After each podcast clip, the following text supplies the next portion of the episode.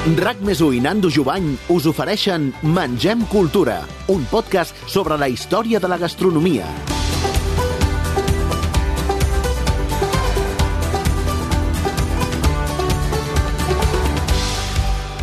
Hola família, bueno, avui em fa molta, molta il·lusió perquè avui no hi tenim un amic normal aquí, avui tenim un convidat que quasi bé és la família, no?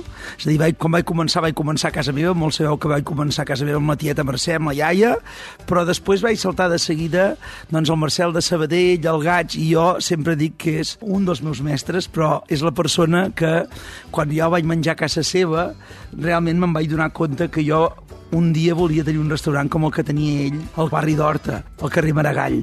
És a dir, amb això ja podeu saber una mica qui és, no?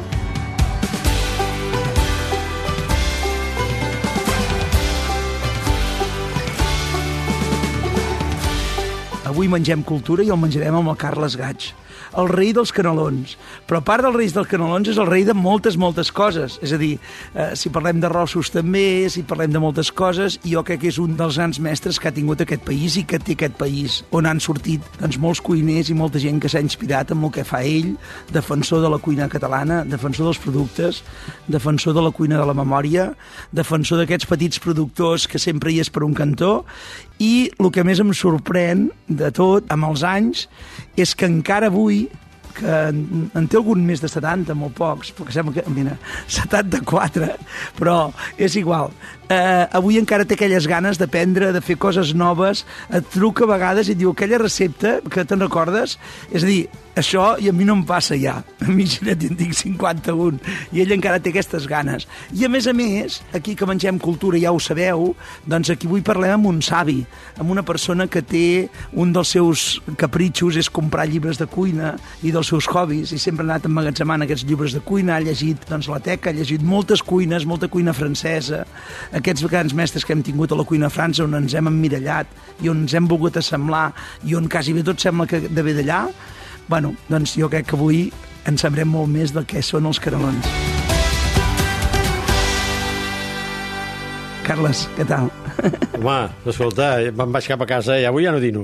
Ja, ja, ja, estic, ja estic farcit. Escolta, molt bé, molt bé. Encantat d'estar aquí i de parlar d'aquest tema tan maco i tan bonic com és els canelons. Bueno, eh, com que falten molt pocs dies perquè sigui Nadal i perquè la gent mengi tothom Nadal i Sant Esteve, que és els canelons, per això jo no podia quedar amb ningú més que ell, no? Quan es parlen d'uns canelons a Catalunya fa anys, es parlaven sempre dels canelons del gaig Ara es parla, algú parla dels canelons del Nando, també. Ah, déu nhi Això Home, sí que és veritat. Eh? Has multiplicat per mil. Bueno, bueno, bueno. Bueno, això tenim l'avantatge, que com que els podeu comprar, doncs això anem més bé, valen? Bueno, anem a parlar de l'origen l'origen dels canelons. L'origen dels canelons, eh, d'on ve? Home, ve? els canelons és, és inqüestionable. L'origen immediat és a Itàlia, no? Però, si continuem tirant del fil i anem més enrere, és de calaix que no ve d'Itàlia, perquè la pasta tots sabem que el seu origen està a l'Orient, a la gran cuina culta i una de les cuines on te, que les grans cuines que ho cuinen tot, n'hi ha molt poques, i els xinesos ho cuinen tot, i llavors ells són els promotors, alguna manera, de tractar la pasta, no? Però no d'aquest farciment, no de farcir alguna cosa, no? No, el que passa és que ells, a la seva manera, també feien els, els rotllets, però els rotllets són ancestrals, són antiquíssims. És una manera d'enrotllar una cosa, fer un canaler, un canaló, doncs a dintre, on hi poses doncs, el que tu creguis que hi has de posar-hi. No?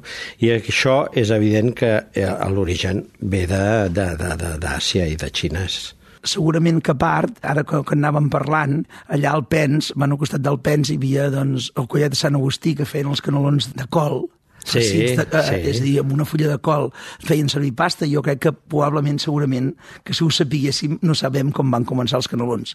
Al final algú devia farcir alguna cosa, es devien... Podria, no? Podria ser, de que, bueno, és que avui en dia es fan canelons o rotllets d'infinitat de coses, que si després després en parlem una estona. Però molt bueno. bé, molt bé. I, I tenim clar, ara, és a dir, pel qui no ho tingui clar, tenim clar que no van néixer a Barcelona els canelons. Això ho tenim clar. No, no, no, no. no. Encara que, que ens els vulguem fer nostres. Que després també en parlarem, és que nosaltres sí hem fet els canelons a la nostra manera, que no té res a veure amb els d'Itàlia. A, això està claríssim. Després, aquí podem trobar que el caneló és del segle XVIII o del segle XIX? Del segle XIX Bueno, com tu sabràs, la, la cuina culta, la cuina on es cuinen totes aquestes coses que estem parlant del segle XVII-XVIII, eh? quan la Revolució Francesa se'n va a Norris, llavors queden una sèrie de cuiners per desperdigats que estaven a les grans cases i aquests cuiners què fan? Pues, pues posar establiments, guanyar-se la vida. Hi ha una pel·lícula molt interessant últimament que és boníssima que tracta d'això precisament. I llavors, doncs, aquests cuiners doncs, van començar començar a cuinar per la gent més popular una mica bogersades, clar, una mica eh, possibles, no? I llavors, doncs, els, el, això es va contagiar una mica a Barcelona. Al segle XIX es va contagiar bastant a Barcelona, on hi havia grans restaurants, Aquí els primers, no gaires. Ara ja no els tenim, aquests. No. És a dir, No, és a dir no. eh, eh, com, com la fonda del Beco del Racó. El Beco, després la Maison Doré, eren aquest tipus on s'emmirallaven absolutament Amb- amb, aquesta- amb la cuina francesa. I aquests són els que, jo penso que aquests són els que ens van, eh, d'alguna manera, transmetre el caneló. Aquí. aquí més que els italians. Jo penso que és perquè jo tinc uns llibres també molt antics, la cuinera catalana, per exemple, on sí parlen d'algun tipus de pasta, com els macarrons i aquestes coses, però al·ludeixen al caneló. O sigui que el No caneló no hi és. Bueno, doncs, doncs tenim clar més coses, doncs que al principi del 19 trobaríem restaurants aquí que ja hi havia canelons. A no? les grans cartes. A les grans cartes, Sí. però no és un caneló que menjaven tots el dia de Nadal. No. El dia de Nadal això passa després, després de la Guerra Civil, Sí. època de pobresa, on s'ha d'aprofitar La- tot. Com es diu això? No la pot ser. postguerra, la postguerra, La postguerra. és, és Va ser molt magra. Va ser molt llarga. Aquí aquest país va ser llarguíssima, una, una, una època fosca, tètrica, eh, sinistra. Jo, aquella època que jo tenia, doncs, aleshores, t'estic parlant, jo vaig néixer al 48. Del 48 fins al 60, jo visquia en una societat una mica sinistra, veies aquella gent bueno, que, que són, sembla que volen tornar, però bueno, esperem que no. Però, Així la que ens fotran, esperem que no. eh, eh, que ens tancaran el xiringuito. Esperem que no. Així Però que escolta, a, a, a, la, la, la postguerra hi havia una dita, que a casa teva segur qui era, escolta, nen, el que es posa al plat s'ha d'acabar. No, no, I sí, no t'aixecaràs fins que no t'ho acabis, perquè havien passat tanta gana que llavors, doncs, escolta, el tema estava en què no es podia llançar res. Això una mica et va contagiant la manera de pensar i la manera d'actuar, no? I la família que deia, per Nadal, anem a fer una, una festa com Déu mana, que és la nostra festa religiosa i la del acolliment l'acolliment de família, i llavors, doncs, tot no t'ho menjaves. I llavors, aquests canelons, jo penso que els canelons que venien de Sant Esteve eren més d'aprofitament, d'allò de dir, escolta, la consciència diu que això no és, i ho hem d'aprofitar. I llavors es va introduir el caneló que amb el clàssic, el caneló de Sant Esteve. perquè la paraula caneló, caneloni, italià, per tant ens anem, o, o bé manicoti, manicoti vol dir Manicoti, mànigues, sí. perquè farcim Sí, sí. una mica de manga, sí, no? Sí, bueno, dir- i pel, pel, per la seva forma cilíndrica rodona, no? Però llavors, doncs, era una canal, una canal, pues, pues, pues, la, els canals de baixant d'aigua i tot això, pues, és, és el rotllet aquest, no? De, a dintre, pues, I després aquí ja passa. tenim, ja tenim un dels mestres de la nostra cuina catalana, que és l'Ignasi Domènech, Sí. que ens parla d'aquest caneló Rossini, Sí. que ja és un caneló, diguem-ne, d'excel·lència, Sí. de posar-hi el foie, de posar-hi la tòfona, o la, Home, la clar, vina- clar de posar la vedella, del mestre del Rossini. del Rossini, del mestre de les seves òperes i les seves eh, música, doncs d'alguna manera era un forofo, un glotón, era un bon vivant que eh, les seves màximes eren la tòfona i el foie. Largo il factotum della città, largo. La ranna, la ranna, la ranna, la... Torner de Rossini, per exemple, no? No, no, que és, i que, és el, que és el filet, que és el Exacte. filet amb tòfona i foie, Exacte. el filet de vedella, I- amb aquesta salsa de vi dolç, o amb aquesta salsa de Jerez, o amb aquesta Exacte. salsa de Porto. Però tòfona i foie. I foie. I els canelons Rossini són tòfona i foie. foie. I havia d'haver-hi tòfona a dintre i foie a dintre. Bueno, Com els teus canelons? Suposo que també Semblats. estan... Perquè els canelons de l'avi o els canelons que vas començar a fer amb la teva mare mai devien ser no, foie. ancestralment els canelons, per donar-li fluidesa a casa teva, per exemple, segur que hi posaven... O, Cervellets. O, cervellets. Cervellets, el pa remullat amb llet. El pa, exacte, per donar-li amorositat a tota aquella carn que no quedés massa seca, no? I llavors, doncs, una manera de donar-li la fluidesa és a través d'un element una mica gras. Jo, en el meu cas, doncs, la mare sí li posava cervellet, i jo d'alguna manera, al fer el salt al restaurant ja no de fonda, sinó un restaurant una mica més gastronòmic, jo hi vaig posar-hi, quan rosteixem la, quan rostim la carn, doncs posar-hi foie. Bueno, perquè no sabeu que aquí, amb, amb l'altre mestre que hem tingut aquest país, que és el Santi Santa Maria, van estar, em sembla, 10 o 12 anys o més, Sí. anant a comprar el foie no n'hi havia aquí i el anaven a comprar tot a França. A França, al a sud de Perpinyà. França, a Perpinyà, una Home. furgoneta compartida, Sí. i anar a buscar el foie, anar a buscar tots aquests, eh, la nata, tots aquests, la doble crem, tots La- aquests la productes... coquilla, les- les vieires. La, les, la, la coquilla de Sant Jac, la, els, els colomins de sang, Ah, exacte. no? Tot aquest Tot producte això ho anàvem que... a buscar. Nosaltres plegàvem a les... Jo plegava, per exemple, a la cuina a les 11 del vespre, agafava la meva furgoneta, anava a Sant Celoni, carregàvem el Santi i ens anàvem cap a, eh, al marxer de Sant Charles. Havíem d'esperar allà un parell o tres d'horetes perquè el mercat de Sant Charles no obríem fins a les dues Que esperàveu a la. Bolú? Esperàveu a la? Esperàvem, no, no, al pàrquing allà, esperàvem allà. No, alguna vegada havíem fet una altra cosa, fixa't bé. Havíem agafat, sortir, va, com ho tens avui? Dic, doncs mira, mm, la veritat és que tampoc està massa animat això de feina, jo tampoc, doncs vinga, anem i anem a veure el, Ferran, el Bulli. I esperàvem a sopar el Bulli, que també estàvem sols, o sigui, era allò de que la, la, la, la, la, la, cuina així una mica vanguardista d'aquest país, doncs eh, li va costar una mica esclatar, no? i perquè hi havia una cuina i, i sortosament també hem de dir que si avui en dia la cuina catalana i d'aquest país es coneix és perquè aquests vanguardistes doncs hi van apostar-hi fort. I tu també. I tu també. Claro. Després aquí, aquí això de la pasta, si ens introduïm més a la pasta, és a dir, sempre ens hem pensat que la pasta ja, ja, ja estava inventada amb la pasta al pavo. Sí. Però la pasta eh, diuen que podeu plagiar dels francesos també. Això també hi ha una anècdota maca, no? De, Sí. de la Polé, Sí, bueno, Polé? sí, la Polé, la- sí, una marca francesa... Que era el pollastre? Que era el, El pollastre. pollastre. Eh, Canelones, el Polé. Le Polé, que és el pollastre. I clar, llavors, al, al traslladar-se aquí a Barcelona al, a un senyor molt avispat que doncs eh, va dir, escolta, eh, jo vull traslladar aquestes plaques, que és la manera de fer fàcil a que aquests canelons que només es fan als restaurants doncs, burgesos, que els puguin fer a casa, no?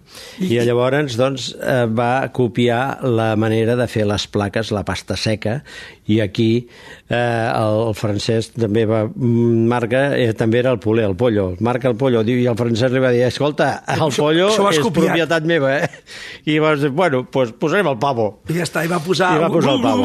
i va posar Sí, unes, va pavo. unes amíndoles I una mica sortides les, i ja està. Les plaques aquestes que durant dècades, durant dècades es van fer servir moltíssim. Nosaltres en fèiem servir a tonelades de, de, de plaques bueno, del pavo. I encara se'n fan servir moltes. I encara És fan jo servir. crec És una gran és el pasta. que- És, és el que més es fa. És una gran pasta, Després sí. les hem canviat, els cuiners, els restaurants, els hem copiat per aquesta pasta fresca, en el teu cas, sí, no? Una jo pasta sí, fresca. faig pasta fresca, sí. Una pasta fresca d'un bon italià que te la fa. Sí, sí, sí. Aquest sí, és un sí. dels secrets, sí. eh? No, no, no, no, és un secret. Per mi és el que millor tracta la pasta fresca aquí a Barcelona, que és la Castafiore, que, és un, que té unes màquines increïbles i pots demanar-li unes plaques de, de, de, de canelons superfines, en fi, el gruix que tu vulguis. I clar, tu que a casa no tens aquesta disposició de màquines, no? Però bueno. Una... Després també hi ha una altra, una altra placa, que aquesta és d'origen xinès, que és la guantong. Ah. Eh? Que, que és d'arròs. Eh, sí. És N'hi ha d'arròs pasta- n'hi ha de blat. Ah, també. N'hi ha, ha, ha de blat, també. N'hi ha de dos. I llavors la de blat també fa una, per embolcallar canelons, també és una, una pasta molt agraïda, perquè és molt fina i molt melosa. El que s'ha d'anar molt en compte és l'ebullició, no? Perquè l'ebullició un allà et segon, posa es 4 posa- minuts. I no, no, no. es posa un amb aigua, minut, aigua. Un, un minut, pam, fora. Sí, es posa amb aigua. Jo, Sí. jo quan faig servir el guantom només la remullo amb aigua Sí, sí. i prou, Ja, perquè ja, com ja que queda. tens aquests 12 minuts, 10 minuts de, De cocció. cocció. amb la beixamel, t'acaba cuint aquesta pasta, Mhm. no? Bueno, aquí seguim. A Sant Esteve no havia menjat mai pasta. És a dir, Sant Esteve, ai, no havia menjat. Diem que això va ser després de la guerra, Sí. no abans. Això va ser amb la cuina d'aprofitament, Sí, Amb jo, cu- jo amb- penso que venia d'aquí, eh? amb la, de cuina, de, amb la cuina d'aprofitament. D'aprofitament, I, sí. I, i, i, bueno, eh, aquí els que hi entenen, doncs, el que ens han dit és que, evidentment, això d'anar, eh, de celebrar Nadal se celebrava en família, amb amics, amb tota la, suposo, en pobles es feia més gent, menys gent, s'anaven a les cases de pagès i era el dia de trobar-se tota la família al completo, no? Això és aquí, suposo que és quan doncs, es matava el pollastre, aquell dia hi havia un pollastre de, de veritat, hi havia algú de vedella, hi havia porc, suposo que es devien fer canelons de tot tipus. Eh, Nosaltres es parla dels canelons de les tres carns. Sí, Eh, eh, Això és el teu cas. sí. Ara ens ho explicaràs. Bueno, sí. Eh? Perquè tu, no, però tu no hi poses pollastre, tu de, No. de viram només hi poses el foie, el fetge. Sí. Vale? Ara després deixarem la recepta pel final. Val, dir, si val, ens val, farem val, una val. mica de dentetes. Perfecte, eh? perfecte. Vale? I després aqu- parlem una mica d'aquesta cuina del, eh, que la gent a vegades pensa per Sant Esteve. És a dir, Sant Esteve hi pot haver el caneló que vulguis. És a dir, tu normalment els canelons porten ceba, porten pastanaga, porten tomàquet, jo n'hi poso i el Carles no n'hi posa. sí. Uh, després uh, es trinxen a gabinet o es trinxen amb la màquina, s'hi afegeix aquesta part amorosa com els fetges, el fetge, els cervellets o bé el foie, en el cas del Carles. Jo hi tiro pa remullat amb llet. Pa de pagès, sec, remullat amb llet, només la molla, i això em serveix aquesta melositat. I jo hi tiro la cansalada del coll. Valen? Bueno, dit això, eh, sapigueu que, evidentment, cadascú pot fer el seu caneló de Nadal. Oh, i tant. I perquè tant. depèn el que hagis fet. I tant. El caneló és, una, és un d'aquells plats que és de, de... Jo recordo de, de, de petit, però és un plat d'acolliment, no? D'allò de dir, escolta, a la canalla els pots implicar a que tots agafin una caixeta, un tamboret o el que sigui, es posin a sobre i ajudin a la canalla, en refereixo 5, 6 anys, 7, eh? perquè després ja no volen saber res, eh? després ja l'altre jovent ja està, ja és una altra història, són més, més complicats i, i ben fet que fan, evidentment però a la canalla petita els hi agrada aquesta mm, col·laboració i això de que els hi posis la carn i els ensenyes amb els ditets que vagin enrotllant canelons i això, escolta, és un plat que és d'acolliment de família a, a, a la vigília, no? el dia abans. Doncs, llavors, doncs, eh, jo penso que és un dels plats aquells que eh, costa una mica fer-los, sortosament per tu molt més que per mi, ojalà no s'hi entretinguin massa a la cuina i vinguin a casa a comprar-los, perquè la, el nostre negoci és aquest, evidentment. Però, però bueno, que, que avui en dir que si algú vol fer cuinetes, que cada dia n'hi ha més de gent que vol fer cuinetes, doncs que pensin també que és un plat que, que pot convocar a la família.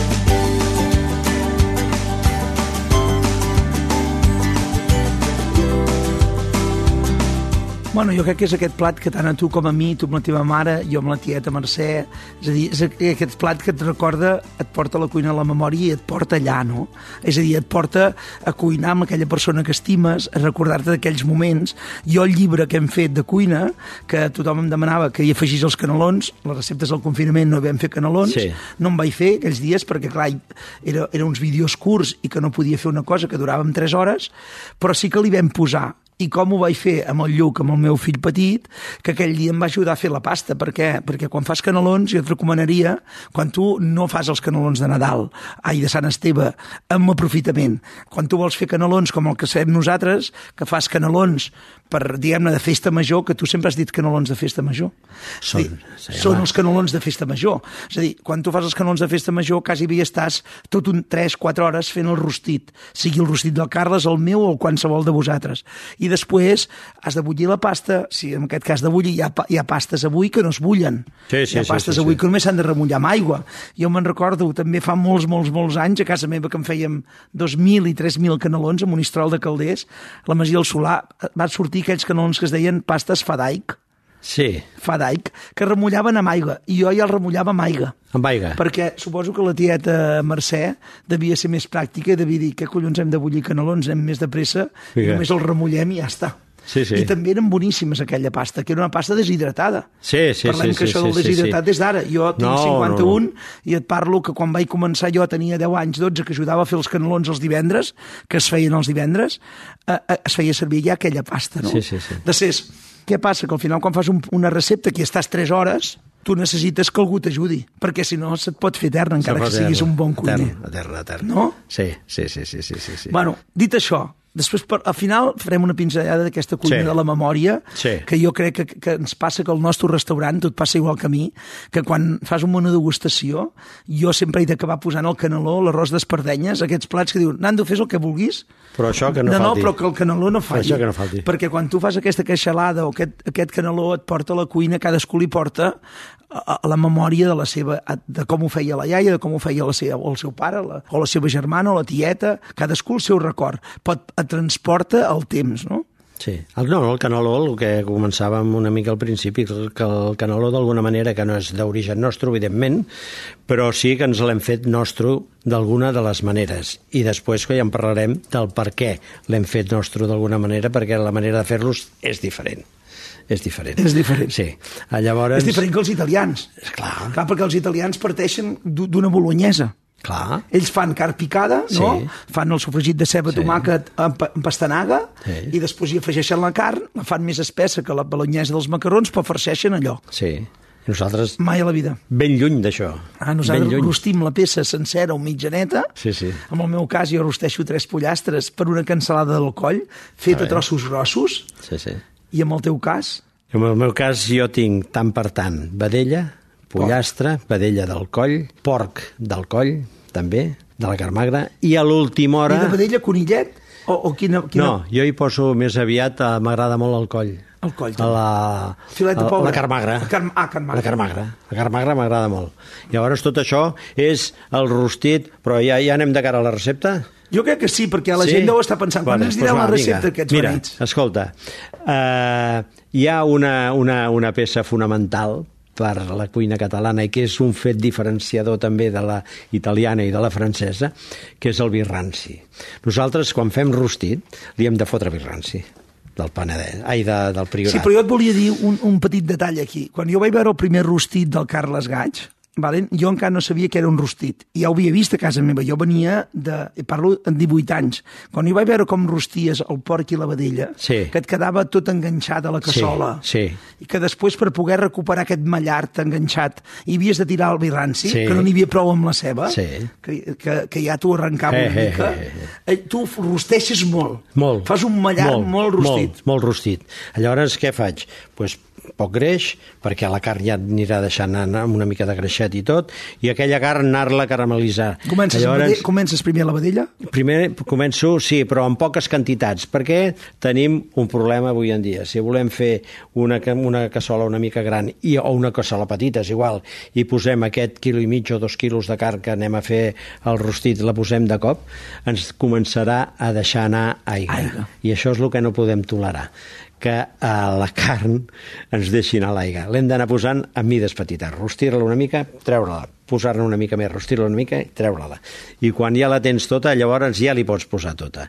Tota aquesta aigua que ens, que, que ens assuaria no la volem, la volem que es quedi a dintre. Bueno, si ho fas en port de veritat no et passa això, eh? Ja. Perquè ara els ports Però, són, escolta, són de creixement, hem- de, tot és de creixement hem de pressa ara. Hem de ser conscients, hem de ser conscients del que tenim. I llavors el que, hem de, el que tenim doncs hem d'agafar les, les eines nostres i la manera nostra i l'experiència nostra de que això no ens passi. No? Rosteixes pa, rosteixes Rosteixo, i ho treus. Rostit. I ho Una treus, vegada ho eh? tens I un cop tinc rostit, allò ja Tot l'incorporo tot. I allò ja xuxu, a poc a poc, com allò, home, com les cuines antigues que, que tornen a estar de moda avui en dia, que és el cop de fer, no? Aquelles planxes negres, que llavors, com anaves més retirant de la rotllana central, doncs el foc era més baix i allò anava perfecte per fer els rostits de paciència, no? Bueno, que això, devia, que això ve una mica a casa teníem la cuina de carbó.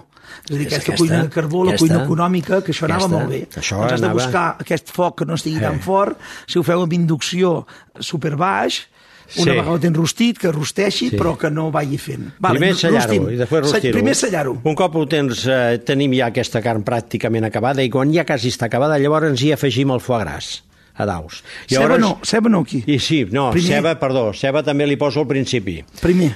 Uh, vedella, Rosteixes. porc, rostit, i un cop està rostit, ceba. Donem quatre voltes, que la ceba es potxi una mica, i llavors, vinga, si convé perquè eh, es vagi amorosint la carn, doncs tenim una mica de brou blanc, o, o aigua, si no tenim brou hi posarem aigua una mica perquè allò es vagi caramelitzant tot allò, a foc suau, i vinga, i anar fent. I temps, cap problema. Llorer?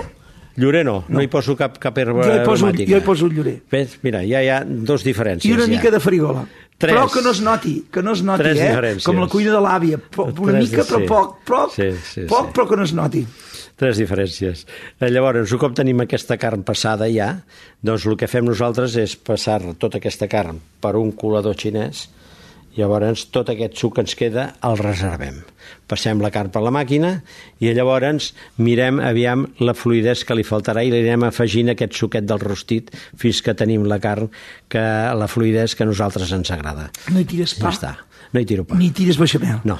Hi ha gent que... Una, bueno, sí, un, unes culleradetes de beixamel sempre hi va bé, per donar-li una mica de lligam a tot això, no? Ja que lligui, perquè lligui Eh, aquesta part eh, grassa amb l'altra, sí, sí, no? sí, sí, sí. Això és...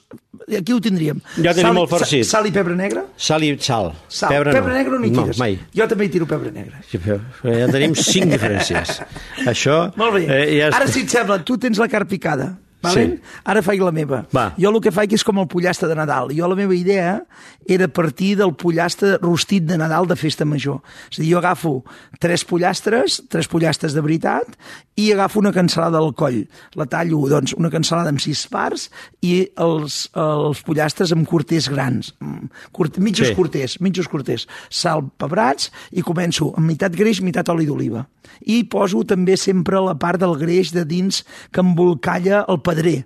Aquesta part grassa de dins que es desfà, que és aquest foie natural, Eh, doncs sempre hi poso el aquest greixet. greix, el greixet. El greixet... Que queden greixonets, que queden increïbles que, si fas que, greixons, que, això. que això denota que és un, un pollastre de confiança. Sí, quan tenen això és que estan grassets i no han Estan- corregut, eh, est- estan, estan, han menjat, han menjat bé Sí. i estan bé. Sí, sí. Doncs després rosteixo, igual que fa ell, doncs rosteixo aquest pollastre, el, roste, el, el, el caramelitzo dels dos cantons, la cansalada, i quan està a mitja cocció, que ja el tinc ben una mica rostit, hi posem alls, tu no hi has posat alls, No. tampoc.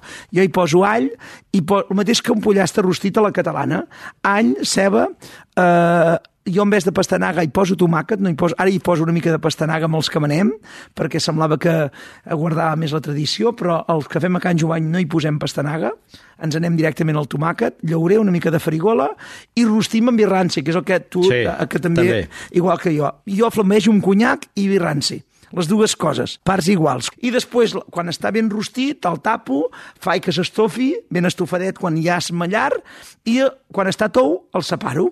A vegades he de treure la cansalada abans que, la, que el pollastre, perquè si és pollastre ben parit, a vegades tarda fins una hora Tarda i mitja més. a fer-se, vale? I després el que faig que és que el deixo refredar una mica i el desosso. Quan en fem tanta quantitat, el que fem és que ja ho fem en pollastre Ja fem. desossat. Desossat, clar. Però si no, agafem el pollastre i el desossem, igual que faríem del pollastre de les restes de Nadal, que el faríem per Sant Esteve, que desossaríem el pollastre, la cansalada, la pilota, el que Ah, fos.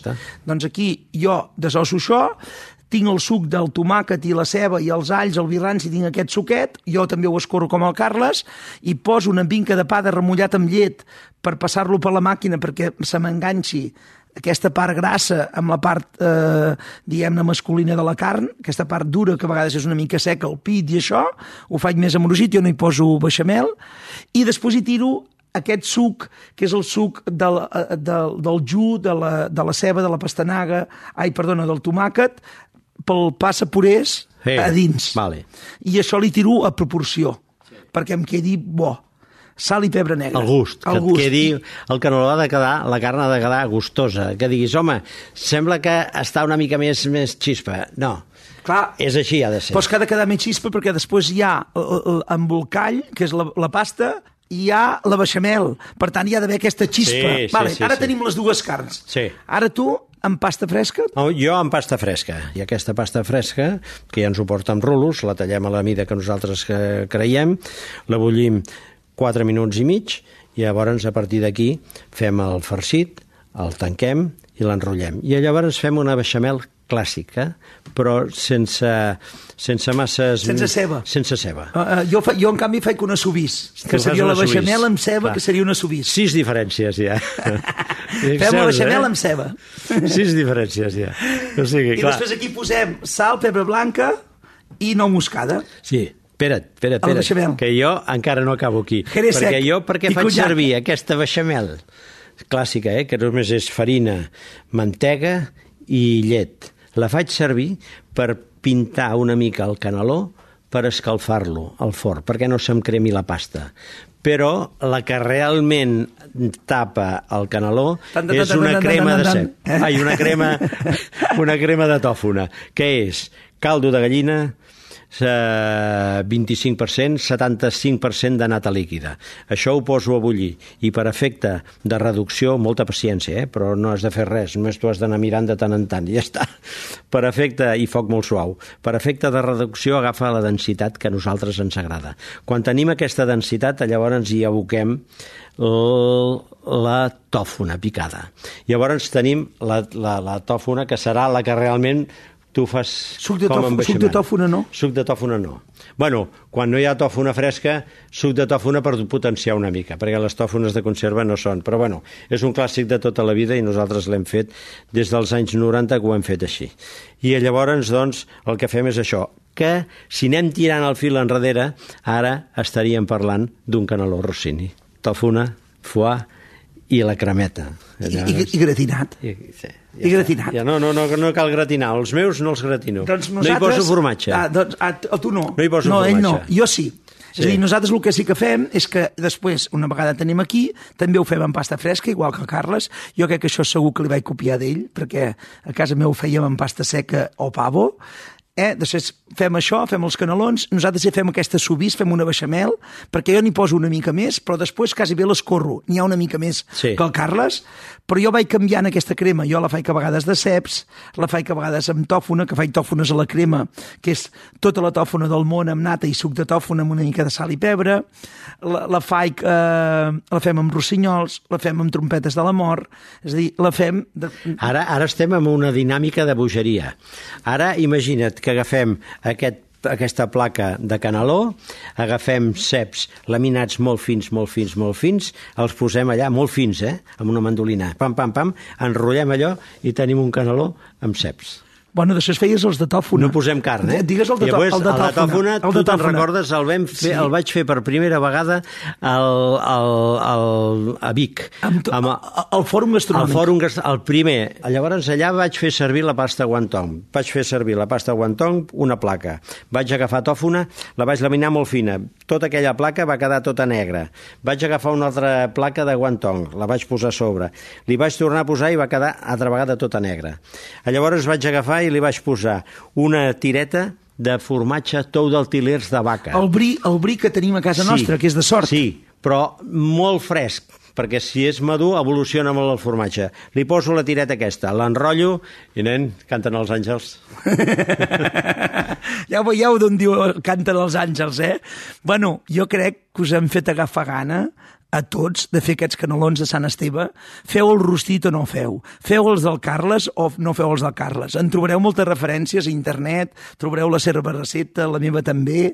És a dir, el que és important és que cuineu, que cuineu, que una mica jo crec que feu eh, venir ganes a la gent del vostre costat, feu servir la cuina per fer més família, aquella cuina de la memòria que d'aquí pocs dies saps que en farem, en farem una, en farem, en farem una cosa molt important d'aquí molt pocs dies, que parlarem amb un nostre amic, ara no puc dir el nom, un gran mestre també, parlarem de la cuina de la memòria, de la cuina de la mare, de l'avi, de la tieta, i parlarem d'aquesta cosa tan important.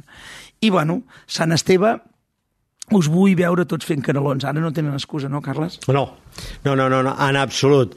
Escolta, eh, sobretot això, eh, que la cuina de la memòria, que no la perdem mai. Eh, Podem evolucionar, podem fer coses eh, avantguardistes, novedoses, però, si plau, sempre que hi hagi un fil conductor que ens porti a les nostres arrels. Si no, perdrem molta credibilitat pel món. Eh, això el Nando ho fa de meravella, o sigui, ho sap fer bé. Hi ha molts cuiners aquí, com el Joan Roca, el Carme Roscalleda, que saben interpretar aquest tipus de cuina de que d'alguna de les maneres doncs, pot ser avantguardista, però que no perdem els nostres orígens. I, bueno, que tingueu un Sant Esteve tan feliç com us mereixeu. I et dic una cosa, ja pel, pel, perquè sempre hi ha el gandul, sempre hi ha el gandul. Pel gandul, si aneu a gaig a casa, també trobareu canelons. Sí. I en el meu cas en trobareu als supermercats, per tant, els que tingueu mandra, també ens els podeu comprar, que ens guanyem la vida amb això. I ja sabeu, nois, cuinem memòria, la cuina de la memòria, que la farem molt aviat, i mentrestant, mengem cultura. Vinga. Adeu, família. Bon profit. Bon profit. RAC més i Nando Jovany us han ofert Mengem Cultura, un podcast sobre la història de la gastronomia.